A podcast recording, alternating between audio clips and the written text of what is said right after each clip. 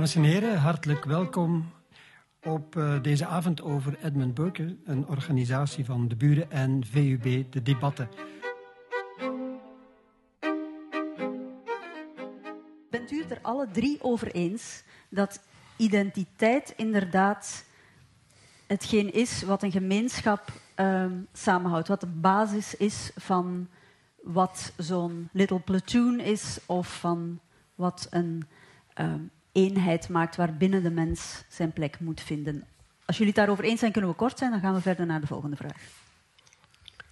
Omdat ik begreep, identiteit is een bladenterm in het links-rechts discours, om maar iets te noemen. Hoe denken jullie daarover? Ja, ik heb daar zelf altijd wat um, terughoudend ben ik geweest om die term te gebruiken.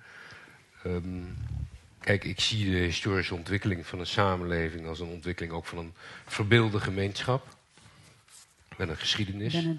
Maar die ook altijd open staat, principieel, naar de toekomst. En als Bart de Wever zegt, uh, de waarden van mijn grootvader zijn absoluut niet de mijne. Waarmee al een generationele verandering is aangegeven, die natuurlijk uh, iedereen uh, helder voor de geest moet staan. Ook als nieuw wordt gezegd tegenover nieuwkomers onze waarden. En dan gaat het over iets wat zich historisch de afgelopen 40, 50 jaar heeft gevormd tegen heel veel weerstanden in dan zien we al dat dat nu als een traditie wordt gepresenteerd. Een verworvenheid is van een opstand tegen tradities van 50 jaar geleden. Die, Nieuwe al, die gemeen goed waren. Dus dan zie je al dat het gaat om een verbeelde gemeenschap die continu in ontwikkeling is. En het wij, zo versta ik het. Een democratie kan niet zonder een wij. Maar dat wij staat altijd open naar de geschiedenis. is altijd onvoltooid. Er worden altijd nieuwe groepen in opgenomen. Die dat wij mede vorm kunnen geven. Dus daar begint het wel mee om die uh, historische weerdegang te zien. En ook wel te zien dat als je dan naar het verleden wil buigen, dat dan ook wel heel veel pijnlijke en ingewikkelde vragen opduiken. Mhm. En dat is geen oefening in um, zelfkritiek onderwille van de kritiek, maar een oefening onderwille van waarheidsvinding, die toch het fundament moet zijn van een levende cultuur van burgerschap. Dus als we ons dan interesseren voor wat er aan ons vooraf is gegaan, dan ook wel graag met een open oog voor de verworvenheden, voor de dieptepunten en ook voor de middelmatigheden die daar tussenin uh, liggen. Zo wil ik er graag naar kijken. Als ik naar het verleden van de stad Amsterdam kijk, die zichzelf tooit met het uh, uh, devies barmhartigheid, dan wil ik toch wel graag weten hoe de vluchtelingen uit België in de Eerste Wereldoorlog in Amsterdam werden ontvangen. In koude hallen. Die wisten niet hoe snel ze weer teruggingen. Dus kortom, met die barmhartigheid van Amsterdam... en dan heb ik nog even, slaakt de Tweede Wereldoorlog Maxhalve even over. Daar valt nog wel iets kritisch over te zeggen. Maar dus in die zin zou ik erover willen spreken. Maar te denken dat onze rechten en het gevoel van die rechtscultuur die zich heeft ontwikkeld... dat die zonder historische inbedding kan worden begrepen... ik denk dat we daar snel uh, over eens zijn. Ja, maar hoe moet dat dan? Hoe geef je dat door? Kan dat in dialoog of leg je dat dan toch op een of andere manier op? U schrijft in een andere versie van uw essay... we moeten ze nieuwkomers, heel brede zin, onderdompelen in die verlichtingsgeschiedenis uh, en wat dat betekent. U mag zo antwoorden, maar ik wil het eerst even van Anton Jeger horen. Ja, ik denk dat ik alleen akkoord kan gaan met de stelling dat elk, een notie van identiteit cruciaal is voor politieke gemeenschapsvorming. Het idee dat ik misschien met mijn toespraak heb proberen te bekampen is misschien twee punten. Ten eerste, we moeten realiseren dat elke vorm van politieke identiteit in zekere zin een constructie is. Er is een groot verschil tussen zeggen dat de identiteiten geconstrueerd worden en zeggen dat die niet bestaan. Dus men kan redelijkerwijze zeggen dat iets als Vlaanderen of de Vlaamse identiteit een 19e-eeuwse uitvinding is en dat dat eigenlijk ook bewust is uh, geconstrueerd. Maar dat betekent nog niet dat dat geen valabele ruimte is waarin een politiek leven kan plaatsvinden. Dat betekent ook niet dat dat niet bestaat. En ten tweede, wat ik probeer aan te tonen, is ook in die tekst, is dat identiteit alleen maar in zelfondervraging bestaat. Dus dat betekent dat men bepaalde parameters erft van vroege generaties. Maar ik probeer te zeggen, die parameters kunnen soms uh, op gespannen voet staan met elkaar. En het is die tensie tussen die overgave idealen die eigenlijk een identiteit uitmaakt. Dus ik probeer te zeggen, um, het Nederlands verleden is geen monolithisch blok. Dat betekent dat men het zowel over de Gouden Eeuw en de Republiek kan hebben als over koloniale misdaden.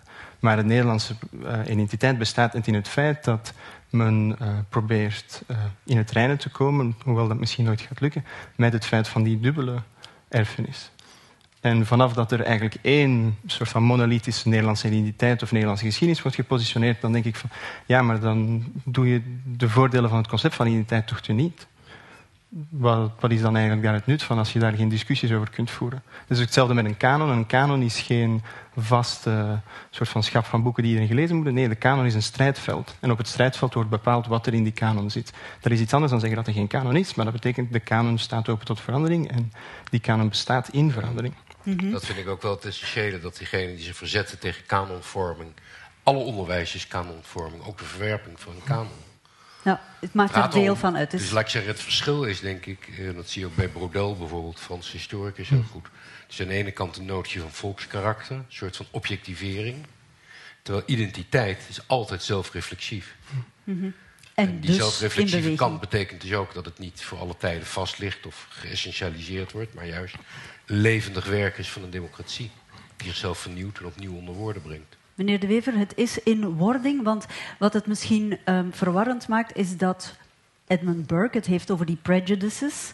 Um, iets dat hij bijna als een vaststaand gegeven hmm. lijkt, een soort um, accumulatie van, van eigenschappen die geïnternaliseerd zijn, uh, beschouwd. En daar bouw je op voort. Is er zoiets vertrekt het daarvan, dat identiteitsidee dat u bezielt? ik denk dat je Burke een beetje onrecht aandoet. Hij is zeker geen statisch denker. Hè. Ik denk niet dat Burke iemand is die identiteit beschouwde als een bijsluiter van een medicament waar een aantal ingrediënten op staan die voor de eeuwigheid vastliggen. Zo dacht hij niet. Hij was wel degelijk iemand die op een zeer voorzichtige wijze een samenleving ook wel wilde veranderen. Hij was een wik. Uh, alleen denk ik dat hij zou aanbevelen om niet als een beenhouwer tekeer te gaan en wil te hakken, maar zeer chirurgisch en fijn piecemeal engineering uh, die verandering te maken. Dat identiteit dus ook voor hem eigenlijk een construct was. Ik weet niet of dat hij beseft heeft, hij was ook maar een kind van zijn tijd, die trager evolueerde dan onze tijd. Um, maar dat lijkt mij eigenlijk wel intrinsiek gegeven. Vandaag nog ontkennen dat identiteit een constructie is, dat lijkt mij intellectueel volstrekt onhaalbaar. Dus als je zegt en je hoopt dat ik dan boos zou worden. Vlaanderen is uitgevonden in de 19e eeuw in de Vlaamse identiteit. Dat is de evidentie zelf. Ik wil zelfs nog meer zeggen. Het is toen uitgevonden door mensen als onderdeel van het Belgisch patriotisme. Dus dat is wat Conscience eigenlijk wilde. De Germaanse component in een Latijns land inbouwen, want de enige mensen mochten stemmen. Zijn kiesrecht waren Franstalig, creëerde die natie, uh, construeerde die Belgische natie, want België heeft ook ooit geprobeerd een identiteit te construeren, is daarin niet geweldig gelukt, uh, naar het eigen beeld. En eigenlijk wilde Conscience dat aanvullen en heeft, is in de spitsen van Hephaestus gegaan, heeft een Vlaamse natie, heeft symbolen opgeroepen, is gaan graven in het verleden en heeft de natie verbeeld. Dat is iets anders dan inbeelden, hè? dat is verbeelden. Men haalt elementen uit de werkelijkheid, men verbeeldt een natie en die natie die dient uh, de belangen van de mensen die er wonen. En veel meer is het niet. Hè? Wat maakt ons tot Vlamingen? Omdat we met 6 miljoen mensen in een democratie op dit lapje aarde wonen. En we hebben een cultureel weefsel dat ons omspant, waardoor we iets gemakkelijker met elkaar kunnen communiceren dan met buitenstaanders. Naar dezelfde mainstream media kijken. En dus onderwerp van gesprek hebben. En dat maakt ons tot een in-group. Mm -hmm. En mijn stelling is, zo'n in-group is heel erg belangrijk als je een ethische gemeenschap wil uh, maken, waar mensen impliciet solidair zijn met elkaar.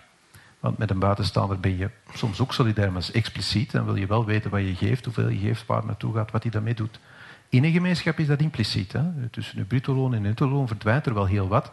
U weet niet van elke euro waar die terechtkomt. U gaat ervan uit dat dat de gemeenschap dient. Dat is impliciete solidariteit. En een democratische praxis. En ik heb daar geen antwoord op van degene die ja, zeggen het is een hondenfluit. Hè? Het is geen eh, verbeelding, het is inbeelding. Smijt dat weg. Ruk u los van de ketenen en kom onder de Vlaamse kerktoren uit. U zegt eigenlijk, het is en gewoon... Ga de wereld in, maar... Een given ja. en de politieke discussie gaat over hoe geven we die vorm en wie... Ja, wat is de checklist ook, voor wie erbij wil Ik zou wel de, laat ik zeggen, de langere historische lijn uh, aan, bij de anderen willen voorhouden. Um, hè, je hebt een mooi beeld van de Nederlandse socioloog Bram de Zwaan. Die spreekt over uitdijende kringen van identificatie. En die zegt... Uh, Historisch komen we vanuit een veel beperktere geografische verbeelding. Van de stad, van een regio, van een Nederlandse provincie. het heeft twee eeuwen geduurd tussen de onafhankelijkheid van Nederland uh, en het ontstaan van een idee van Nederlanderschap. Dat is een heel langzaam proces van natievorming in een bestaande staatsvorming. Dus, ik zeggen, de vraag is principieel: kunnen we ons een voorstelling maken van een gematigde vooruitgang? En je kunt je afvragen of Europa niet te snel en te veel wil, maar waarbij die kringen van identificatie langzamerhand ook de grenzen van taalgemeenschappen zouden over kunnen stijgen. Nou, we zien hoe moeilijk het is al hier, hier in België. om een solidariteit over een taalgrens heen vorm te geven. We zien natuurlijk bij, per implicatie heb ik ook vaak aan Guy Verhofstadt en Herman van Rompuy voorgehouden. Van wat leren jullie nu eigenlijk uit de ervaringen van België voor jullie Europese engagement? Maar in principe blijft de vraag natuurlijk: is het een gerechtvaardigd vooruitgangsideaal? Wat op een gematigde manier vorm moet krijgen, maar toch om te blijven streven naar een lotsgemeenschap die ook de grenzen van taal en nationaliteit zou kunnen overschrijden. Nou, dan hebben we het over een hele lange geschiedenis, maar het gaat er even om: houden we dat perspectief open? Of, niet? of zeggen we eigenlijk van nee, dit is de Veel politici van vandaag identificatie zeggen, die we nee, ons kunnen voorstellen. En iets zegt mij dat het een ahistorische blik zou zijn om dat bij voorbaat te zeggen. eh, die wijdere lotsgemeenschap, met alle problemen die het in zich draagt, dat zien we natuurlijk maar al te goed. Maar ik zou die graag open willen houden. Met een beeld naar de toekomst. Het is, het is voor mij een interessante kwestie om zich de vraag te stellen. Mensen die er zich op voorstellen dat ze van elke identiteit afscheid hebben genomen. Je ziet vaak bij die mensen dat die eigenlijk gewoon één identiteit voor een andere identiteit ruilen. En die andere identiteit heeft dan bepaalde voordelen voor hen. Maar merkt ook duidelijk dat die snel, als, net zoals met die voordelen, zichzelf bepaalde andere voordelen eigen maken. Dat is duidelijk um, voorbeelden die, laten we zeggen, de seksuele revolutie worden gegeven op het einde van de jaren 60. Er werd een bepaalde gegeven set aan vooroordelen, verworpen, uh, vooroordelen verworpen, maar daar zijn andere vooroordelen voor in de plaats gekomen. Dat toont ook aan dat die op een bepaalde manier onvermijdelijk zijn. En als het over mij En gaat... relatief is eigenlijk wat je zegt, want ze kunnen met de tijd gewoon overboord gegooid worden Ja. en vervangen door anderen. Ja, en ik, ehm, we kunnen inderdaad een discussie hebben of dat radicaal moet gebeuren of dat dat eh, chirurgisch moet gebeuren. Dat zijn eh, politieke kwesties, inderdaad, waar politici zich aan moeten wijden. Maar als het dan over die, over die cirkels van identificatie gaat, ik denk dat als we zeggen elke vorm van identiteit of elke vorm van gemeenschap is ondenkbaar zonder de notie van de grens. Dus identiteiten gaan altijd over demarcaties tussen verschillende volkeren. Dus oftewel accepteert men dat men één groot ras is op deze planeet, oftewel denkt men nee, er zijn wel degelijk interne verschillen in het menselijk ras en die interne verschillen doen ertoe. Maar wat ik, het is interessant om te zien dat er is een kwalijke dichotomie in dergelijke debatten vandaag, waar er oftewel wordt er over geen grenzen gesproken, oftewel wordt er over muren gesproken. Terwijl een grens is eigenlijk iets heel erg specifiek. Een grens is een membraan. Dat betekent eigenlijk dat uh, je ergens binnentreedt, maar dat betekent niet dat dat toe is. Een membraan dient net om een bepaalde mediëring tussen buiten en binnen te, te faciliteren. En eigenlijk een muur is in geen enkel opzicht een grens, want er vindt eigenlijk geen uitwisseling meer plaats. Het is net zo goed een uitnodiging als een afbakening. Ja, zegt.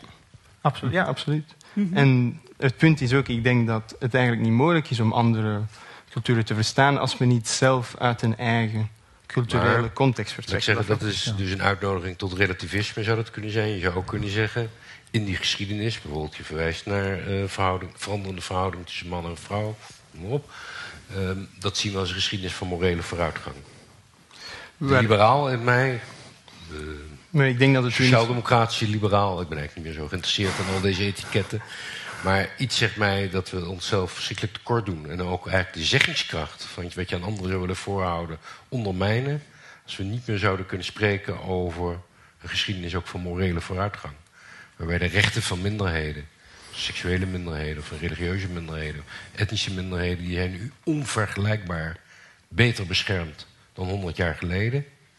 Het geweld in onze samenleving is op een enorme manier teruggedrongen. We leven in veel minder gewelddadige samenleving dan 100 jaar geleden. Ik vind dat allemaal voorbeelden van een geschiedenis van morele vooruitgang, die buitengewoon kwetsbaar is. Niet zegt mij dat dat niet uh, terug kan vallen, of uiteen zou kunnen vallen. Maar juist als we het niet meer kunnen zien als een geschiedenis van morele vooruitgang, maar slechts als een verbeelding van een specifieke keuze die inwisselbaar is met andere keuzes, toeval van de omstandigheden, Mhm. dan verliezen we denk ik heel veel zeggingskracht. En dus non-negotiable. dan in relatie met die nieuwkomer, die zelf ook een heel set aan prejudices, vooroordelen met zich meebrengt en die vaak heel uh, multigenerationeel denken en dat de, de verlichamelijking bijna zijn, verpersoonlijking van een traditie die ze achter zich gelaten hebben en die ze misschien nog willen doorgeven op een of andere manier. Het is een heel moeilijk en gevoelig debat, denk ik. Hè? Dus uh, wat is een grens en hoe moet die functioneren en wie kan erbij? En het feit dat die debatten vandaag zo scherp worden gevoerd in heel de wereld, in Europa in het bijzonder, duidt net denk ik op het falen van het idee van de, van de Respublica. En het uitkomen van de component identiteit, vooral dan, laten we zeggen, de etnoculturele component ervan, omdat daarin natuurlijk ook de grote vernietigende kracht van nationalisme uh, verstopt zit. Hm? Als die doos van Pandora wordt opengetrokken in de 20e eeuw, hebben we dat gezien. Is deze kracht tot onvoorstelbare vernietiging, uitsluiting in staat? Dus er zijn heel veel redenen tot bezorgdheid vanuit die 20e eeuw. Is men gaan focussen, zeker sinds 68, op de klemtoon op, op ja, de civiele component vooral. Zo minder etnocultureel het was ingevuld, hoe civieler, hoe beter. Identiteit werd ja, weggelachen, uitgegomd uh, en er leidt tot ja, een witboek, een set regels. En dan wordt de nieuwkomer een heel ander gegeven natuurlijk. Want die nieuwkomer zal niet meer worden bevraagd over zijn prejudices, over uh, zijn historische achtergrond, zijn diepe wortels. Die zal worden gevraagd om de wet na te leven. En wordt dan ondergedompeld in de software van de verlichting, uh, waarin hij de volkomen vrijheid heeft om op een manier verder zijn gezin, zijn relatie met zijn echtgenoten, de opvoeding van zijn kinderen in te vullen, op een manier die gewoon niet strookt met de manier waarop wij geëvolueerd zijn. Het probleem is dat je daarmee in toenemende mate op de tenen trapt van de gegeven groep in de Respublica, die evident wel geconnecteerd blijft op historisch gegevenheid en zich daaraan stoort. En Van de Weeromstaat zegt, ja maar, die grens, dat mag geen membraan meer zijn, want er komen allerlei mensen binnen um, die niet tot mijn gemeenschap behoren. Ik herken hen als anderen. Zij noemen zichzelf ook nog allochtoon na vier generaties. Ik beschouw hen als allochtoon. Ik word geacht met hen solidair te zijn, maar ik voel die impliciete band niet. Dus ik heb het gevoel dat ik aan het afgeven ben. Dat ik aan het geven ben aan iemand anders.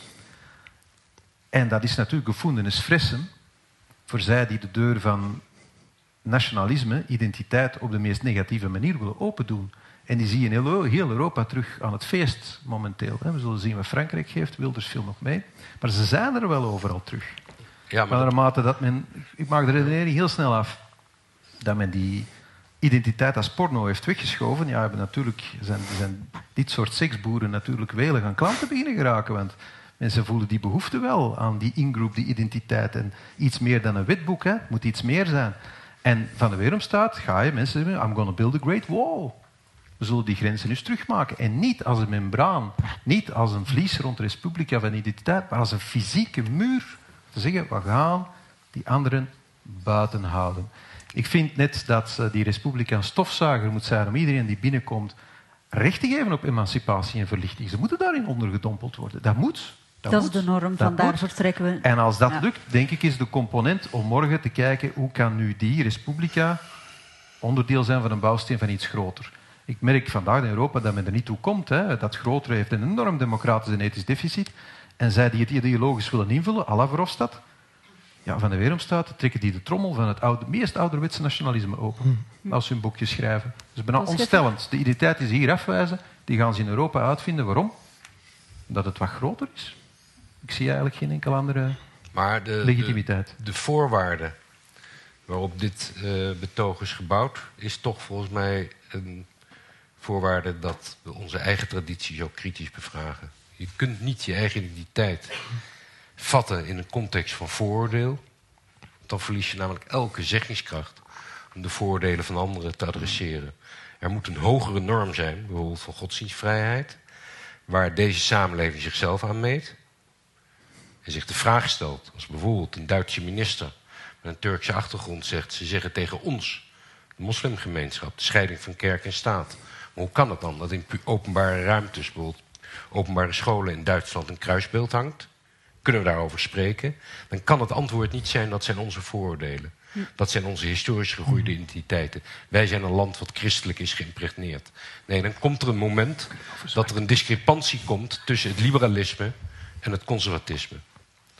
En dan kun je dus niet meer zeggen: dit zijn onze tradities, dit zijn onze vooroordelen, die historisch zijn gegroeid, die weliswaar niet in overeenstemming zijn met bepaalde principes die we aan jullie voorhouden. Dat kan eenvoudigweg Ja. niet. Net zoals het niet kan om tegenover mensen te zeggen, als ik in de zaal zit, tegenover jongeren, bijvoorbeeld uit de Marokkaanse of Turkse gemeenschap, en die zijn boos. Dan vraag ik, waarom zijn jullie boos? We worden gediscrimineerd. Zeker, wat is het probleem met discriminatie eigenlijk? We willen gelijk worden behandeld. Zeker, goed. Gelijke behandeling. Als dat het uitgangspunt is en de ambitie, dan kunnen jullie deze samenleving terecht confronteren met patronen van uitsluiting, bijvoorbeeld op de arbeidsmarkt. En op die basis kunnen we ook de vraag stellen: wil je dan nadenken over ongelijke behandeling tussen gelovigen en ongelovigen, tussen mannen en vrouwen binnen je eigen gemeenschap? Maar als je dat gemeenschappelijke fundament niet meer onder woorden kan brengen en alleen maar als een historisch gegroeide traditie aan mensen kan voorhouden, die eigenlijk zich niet anders legitimeert dan als een historisch overgeërfd vooroordeel, dan verlies je, denk ik, eh, de morele zeggingskracht. Dus daarom blijft het belangrijk, denk ik, om na te denken over wat een vooruitgangsideaal is, gematigd, goed overdacht, met een innerlijk conservatisme waar ik het over gehad heb, wat ik wel zie, de noodzaak daarvan. Als we daar niet overheen kunnen reiken, dan, eh, en onze eigen gewoonten en tradities en manieren van omgaan in deze samenleving alleen maar als een historisch product zien, uit Dan ons toeval, dan verliezen we het. Ik zie je wippen op je stoel. Ehm, nee, ik wil gewoon één opmerking maken over die ontmoeting tussen de wij en de ander die we al besproken hebben. Dus er is inderdaad een kwestie van dat Europa ook met zijn eigen vergeten religiositeit is geconfronteerd geweest met de opkomst van een bepaalde nieuwe religie van de laatste 30 jaar. Maar dat laatste punt is cruciaal, want we hebben het inderdaad over de laatste 30 jaar. Dus er wordt gesproken over een bepaalde groep mensen die zogenaamd een eeuwenoude traditie aanhangen, die onveranderlijk is en ze houden die in een hele grote staat van, van hoogachting. Maar het is net interessant om te zien, en dat, is, dat geldt zowel voor eh, het, zo, het zogenaamd islamitisch revivalisme in de Arabische wereld, maar ook hier, dat het eigenlijk tamelijk recente ontwikkelingen zijn. Dat veel wat nu binnen die allochtone gemeenschappen als eh, eeuwenoude vooroordelen wordt gezien, dat dat eigenlijk niet zo oud is en dat daar ook bepaalde processen aan het werk zijn ge- geweest waar die geconstrueerd zijn geweest. Maar je kunt het voorbeeld nemen van bijvoorbeeld het grote probleem van het antisemitisme in de Arabische wereld op, op heden. Ehm, dat echt ja, een wijdverspreid probleem is. Maar dat is eigenlijk, als men dat historisch nagaat, tot eh, na de Tweede Wereldoorlog was dat eigenlijk niet het grootste probleem in de Arabische wereld. Dat is vooral het resultaat van het economisch falen in de jaren 60 en jaren 70 van bepaalde nationalistische leiders. En daarna in de jaren 80 en de jaren 90. En tegenwoordig is Mein Kampf een van de geliefde boeken in sommige delen van Afghanistan. Maar het punt is net interessant om te zien dat iets dat gepresenteerd wordt als een eeuwenoude traditie is eigenlijk tamelijk recent. En dat betekent eigenlijk ook dat dat zeker veranderlijk is, dat dat een nieuw element is dat geïntroduceerd is. hoopvol gegeven, hoor ik je dat En in zekere zin een hoopvol gegeven, want je kan ook een analyse maken wat betekent dat eigenlijk dat dat zo wijd verspreid is en welke, welke Ik bedoel, processen. veranderlijk en veranderbaar. Dat is Ja. wat dus ik denk niet dat we zo fatalistisch daarover moeten zijn dat die mensen altijd maar eh, hopeloos eh, bijgelovig zijn. Nee, ik denk dat die mensen vooral in die laatste dertig jaar op respons ook op eh, bepaalde Europese ontwikkelingen een nieuwe ideologie hebben. En het laatste punt dat ik wilde maken is... In Vlaanderen is het groot probleem dat er we een zwakke culturele leidcultuur hebben. In tegenstelling tot misschien Frankrijk of, of Duitsland hebben wij altijd een heel groot probleem gehad met kanonvorming. Dat uit zich ook in het feit dat wij onwaarschijnlijk slecht onze taal verzorgen. Dat betekent ook dat ons eigen verleden onwaarschijnlijk slecht gekend is. Maar ik denk dat dat ook een van de voornaamste redenen is dat er... eh, Het lijkt alsof ik over Nederland hoor spreken. Nee, maar ik denk, ik denk ja, ik, misschien is er een gelijkaardig probleem in Nederland, maar ik heb ook het gevoel dat ehm, nieuwkomers in Nederland toch meer van een erfenis aantreffen om zich aan te assimileren. Terwijl, oeps, terwijl in, in Vlaanderen is er, ehm, er is een interessante vraag in Brussel. Als men in Brussel aankomt en ze zegt integreer u, ja, maar in wat moet ik me integreren? Er worden hier vijftig talen gesproken. Er is hier geen eh, hegemonische cultuur eh, waar ik mij moet aanpassen. En als je kijkt naar iemand als Japa Bujaja bijvoorbeeld, die eigenlijk nu bekend staat als een van de meest eh rabiate critici van bepaalde vormen van identiteitsbeleving. Ik ken eigenlijk weinig mensen die Vlaamser zijn in de manier waarop zij argumenteren, de manier waarop ze argumenten vormen. En, dat, dat toont bij hem ook een interessante Freudiaanse dynamiek, dat hij eigenlijk in het verwerpen van die Vlaamsheid eigenlijk nog veel Vlaamser is geworden. De tijl-uilenspiegel van nu, of... Ja, ja dat, dat, moet, dat is politiek misschien wat moeilijk. Voelt te ver. Ja, voelt misschien te ver. Um, we kunnen hier nog lang over gaan. Ik wil nog één ander... Wil je nog reageren? Wel, dat identitair vraagstuk, ik vind dat wel interessant gegeven dat je dat oproept. Uh, is de Belgische case erger dan de omliggende landen? Ik denk dat daar veel voor te zeggen is dat het wel degelijk het geval is. Overal is identiteit, zeker sinds de Tweede Wereldoorlog, complex. Hè? Nergens is het nog vanzelfsprekend. Bij ons is het moeilijker, omdat uh, België van de 19e-eeuwse natiestaten, samen met Spanje, Verenigd Koninkrijk, maar België toch de meest mislukte is. Hè? Ze is eigenlijk uit elkaar gevallen in twee delen. En er bestaat geen vanzelfsprekendheid over identiteit. Identiteit daarover, dat alleen al claimen is al een politiek statement. Ik ben Vlaming, dus oei, hij zal Vlaams gezien zijn. Dat heb ik eigenlijk niet gezegd, maar men verstaat dat dan wel. Ik ben Belg, ja, ben je een Belgicist? Mm. Maar wat voor soort Belgicist? Een ouderwetse die een natie denkt, of een nieuwe die eigenlijk zegt dat nihilisme, dat er net geen identiteit is, vind ik zo mooi. Want dat is wellicht de voorbode van een wereld van morgen waarin we allemaal uh, individuen zijn en het alleen nog folklore is en je er nog eens mee kan lachen. En het feit dat dat bij ons nu net zo problematisch is, heeft het ons wellicht nog moeilijker gemaakt om tegenover de aankomersgroep, waar jij een prachtig boek over geschreven hebt, dat identitair vraagstuk te stellen. Ik denk dat men nergens in Europa dat goed gedaan heeft. Men is van een bepaalde hoogmoed uitgegaan, want wij leven zo goed. Wij zijn zo rijk. We hebben zodanige gelijkheid en vrijheid. Iedereen die naar ons komt, zal op ons willen lijken. Na twee, drie generaties zijn ze geassimileerd. En waarom ik het nu het hoofd schudde toen hij zei, uh, het is hoopvol. Ik vind het weinig hoopvol dat de eerste generaties die hier aankwamen, bijvoorbeeld, niet zozeer door een godsdienstige identiteit, die inderdaad niet eeuwen oud is, uh, heel het preutsen van de islam is, is, denk ik in het Victoriaanse tijdperk erin gebracht. Hè. Als je mooie homo-erotische literatuur wil, dan vind je in de Arabische cultuur volop. Hè. Duizend en één nacht. Dus dat is inderdaad allemaal niet eeuwen oud. Dat is de verbeelding. De verbeelding. Dat is de, de kracht van de verbeelding. Maar dat die verbeelding binnen die gemeenschap eigenlijk een apartheidstraject heeft gevolgd. Geen versmeltingstraject, maar een apartheidstraject. Wij en zij komt niet alleen vanuit de autochtone groep. Hè. Dat bestaat evenzeer in de hoofden van de allochtone groep.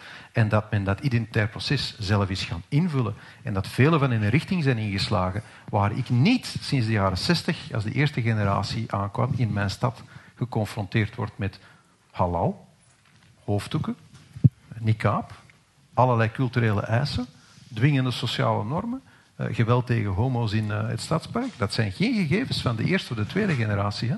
Dat zijn gegevens van de derde en de vierde generatie. Ik kan dat bezwaarlijk hoopvol noemen. En we hebben daarin gefaald om eigenlijk de verlichte samenleving en de kracht van de Respublica als een absorberend gegeven aan te presenteren waarin zij konden worden opgenomen en waar zij een fierheid zouden rond ontwikkeld hebben. Maar waarom kunnen wij hier over praten met elkaar zonder elkaar misverstaan?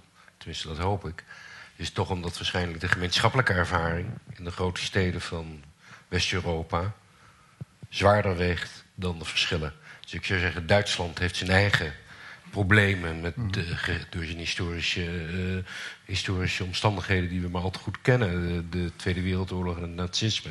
Grote terughoudendheid om te spreken over inburgering en alle vragen die daaromheen spelen. In Nederland is het de koloniale geschiedenis die voor enorm veel verlegenheid heeft gezorgd.